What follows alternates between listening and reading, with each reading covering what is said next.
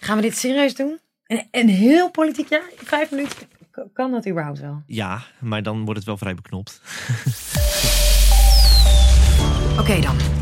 Misschien was je het al vergeten, Ik heb er ook geen enkele herinnering aan. maar we begonnen het jaar zonder kabinet. Het heeft lang geduurd. Het heeft, mag ik wel zeggen, te lang geduurd. Nieuw kabinet of niet, het vertrouwen in de politiek was jaren niet zo laag. Het is een hele heftige tijd. En dan denk ik ook, hoe gaat eh, de regering en Mark Rutte het allemaal doen? Ik ben Sophie en ik neem je mee door de belangrijkste politieke problemen van dit jaar. En kijk vooruit naar 2023. Is er dan weer vertrouwen in de politiek? Lang jaar kort. Een terug- en vooruitblik van NOS op 3 en 3FM.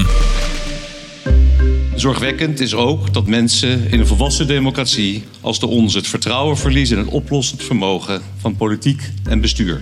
Elk jaar met Prinsjesdag komt er een rapport uit over het vertrouwen in de politiek. En dat was dit jaar niet al te best, vertelt de onderzoeker. In 2020 waren er nog 4 op de 10 Nederlanders die eh, weinig tot geen vertrouwen had- hadden in het kabinet. En momenteel is dat dus ruim 7 op de 10. Een kwart van de Nederlanders heeft zelfs momenteel nog maar een beetje vertrouwen. En dat was die derde dinsdag van september te merken. Sommige demonstranten draaien zich nu om met hun rug naar de koets toe. Hier heeft iemand een grote vlag. Fuck Rutte. Reden? Nederlanders denken niet dat de politiek alle problemen die we hebben kan oplossen. Het is een bij elkaar geraapt zootje wat met elkaar samen moet werken, maar dat eigenlijk niet wil. En die onvrede zag je niet alleen op Prinsjesdag, maar eigenlijk het hele jaar door hingen er vlaggen op zijn kop.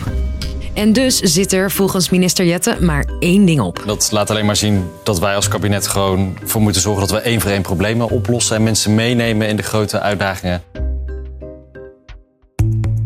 Tijd om mijn collega in Den Haag, Ewout Kievit, in te schakelen. Hoi. Wat was het eigenlijk voor politiek jaar? Roerig. ja, er gebeurde wel ontzettend veel. Te veel zelfs om in één podcast met je door te nemen. Denk bijvoorbeeld aan de oorlog in Oekraïne of al het gedoe rondom de stikstofcrisis. Maar als je het over momenten hebt waarin de politiek nou echt niet lekker uit de verf kwam, Ik heb gehandeld naar de wet en naar de geest van de wet. dan is de oude Nokia van premier Rutte een goed voorbeeld. Ja, dat ging om het real-time archiveren. Wat eigenlijk betekende dat Rutte zelf bepaalde welk sms'je hij zelf eh, verwijderde en welke hij bewaarde. Veel belangrijke sms'jes gooide Rutte zo de prullenbak in. Kan echt niet, vindt een groot deel van de Tweede Kamer. Erkent hij dan dat hij daarmee ook de democratische controle, bijvoorbeeld van ons als Tweede Kamer, gewoon dwars zit? En dat politieke vertrouwen zonk nog verder door dit. Goedemorgen, ik eh, open de vergadering van de parlementaire enquêtecommissie. Er lopen drie parlementaire enquêtes naar de politiek. Dat zijn hele zware onderzoeken. Dat is nog nooit eerder gebeurd. En dat laat wel zien dat er heel veel dingen zijn misgegaan de afgelopen jaren in de politiek. Nou, Niet iets om trots op te zijn, vertelt Ewoud. Die onderzoeken gaan over gasboringen in Groningen, de toeslagenaffaire en de coronacrisis. Nou, het zegt vooral dat het kabinetten eh, problemen niet goed hebben opgelost of soms zelf hebben veroorzaakt. En dit zijn maar een paar van de politieke problemen die spelen. Je hebt ook nog het woningtekort, de asielcrisis, de klimaatproblemen, het energieplafond, ruzie om de Kamervoorzitter van de uitspraak. Al die dingen bij elkaar zorgen er dus voor dat mensen de politiek minder vertrouwen. Hoe zit dat in 2023? Kunnen we daar al iets over zeggen? Nou, het wordt sowieso een spannend jaar. Want eh, eigenlijk moet het kabinet nu echt met de uitvoering van plannen gaan komen. Maar er is ook een ontzettend risico dat het kabinet in gevaar komt. Want volgend jaar mag jij weer een bolletje rood kleuren. Hoi, Mark Rutte hier. Ga stemmen. Het gaat echt ergens over. namelijk over de provinciale verkiezingen. Daarmee kies je welke partijen er in het bestuur van jouw provincie komen. Maar indirect ook welke partij de meeste stoeltjes in de Eerste Kamer heeft.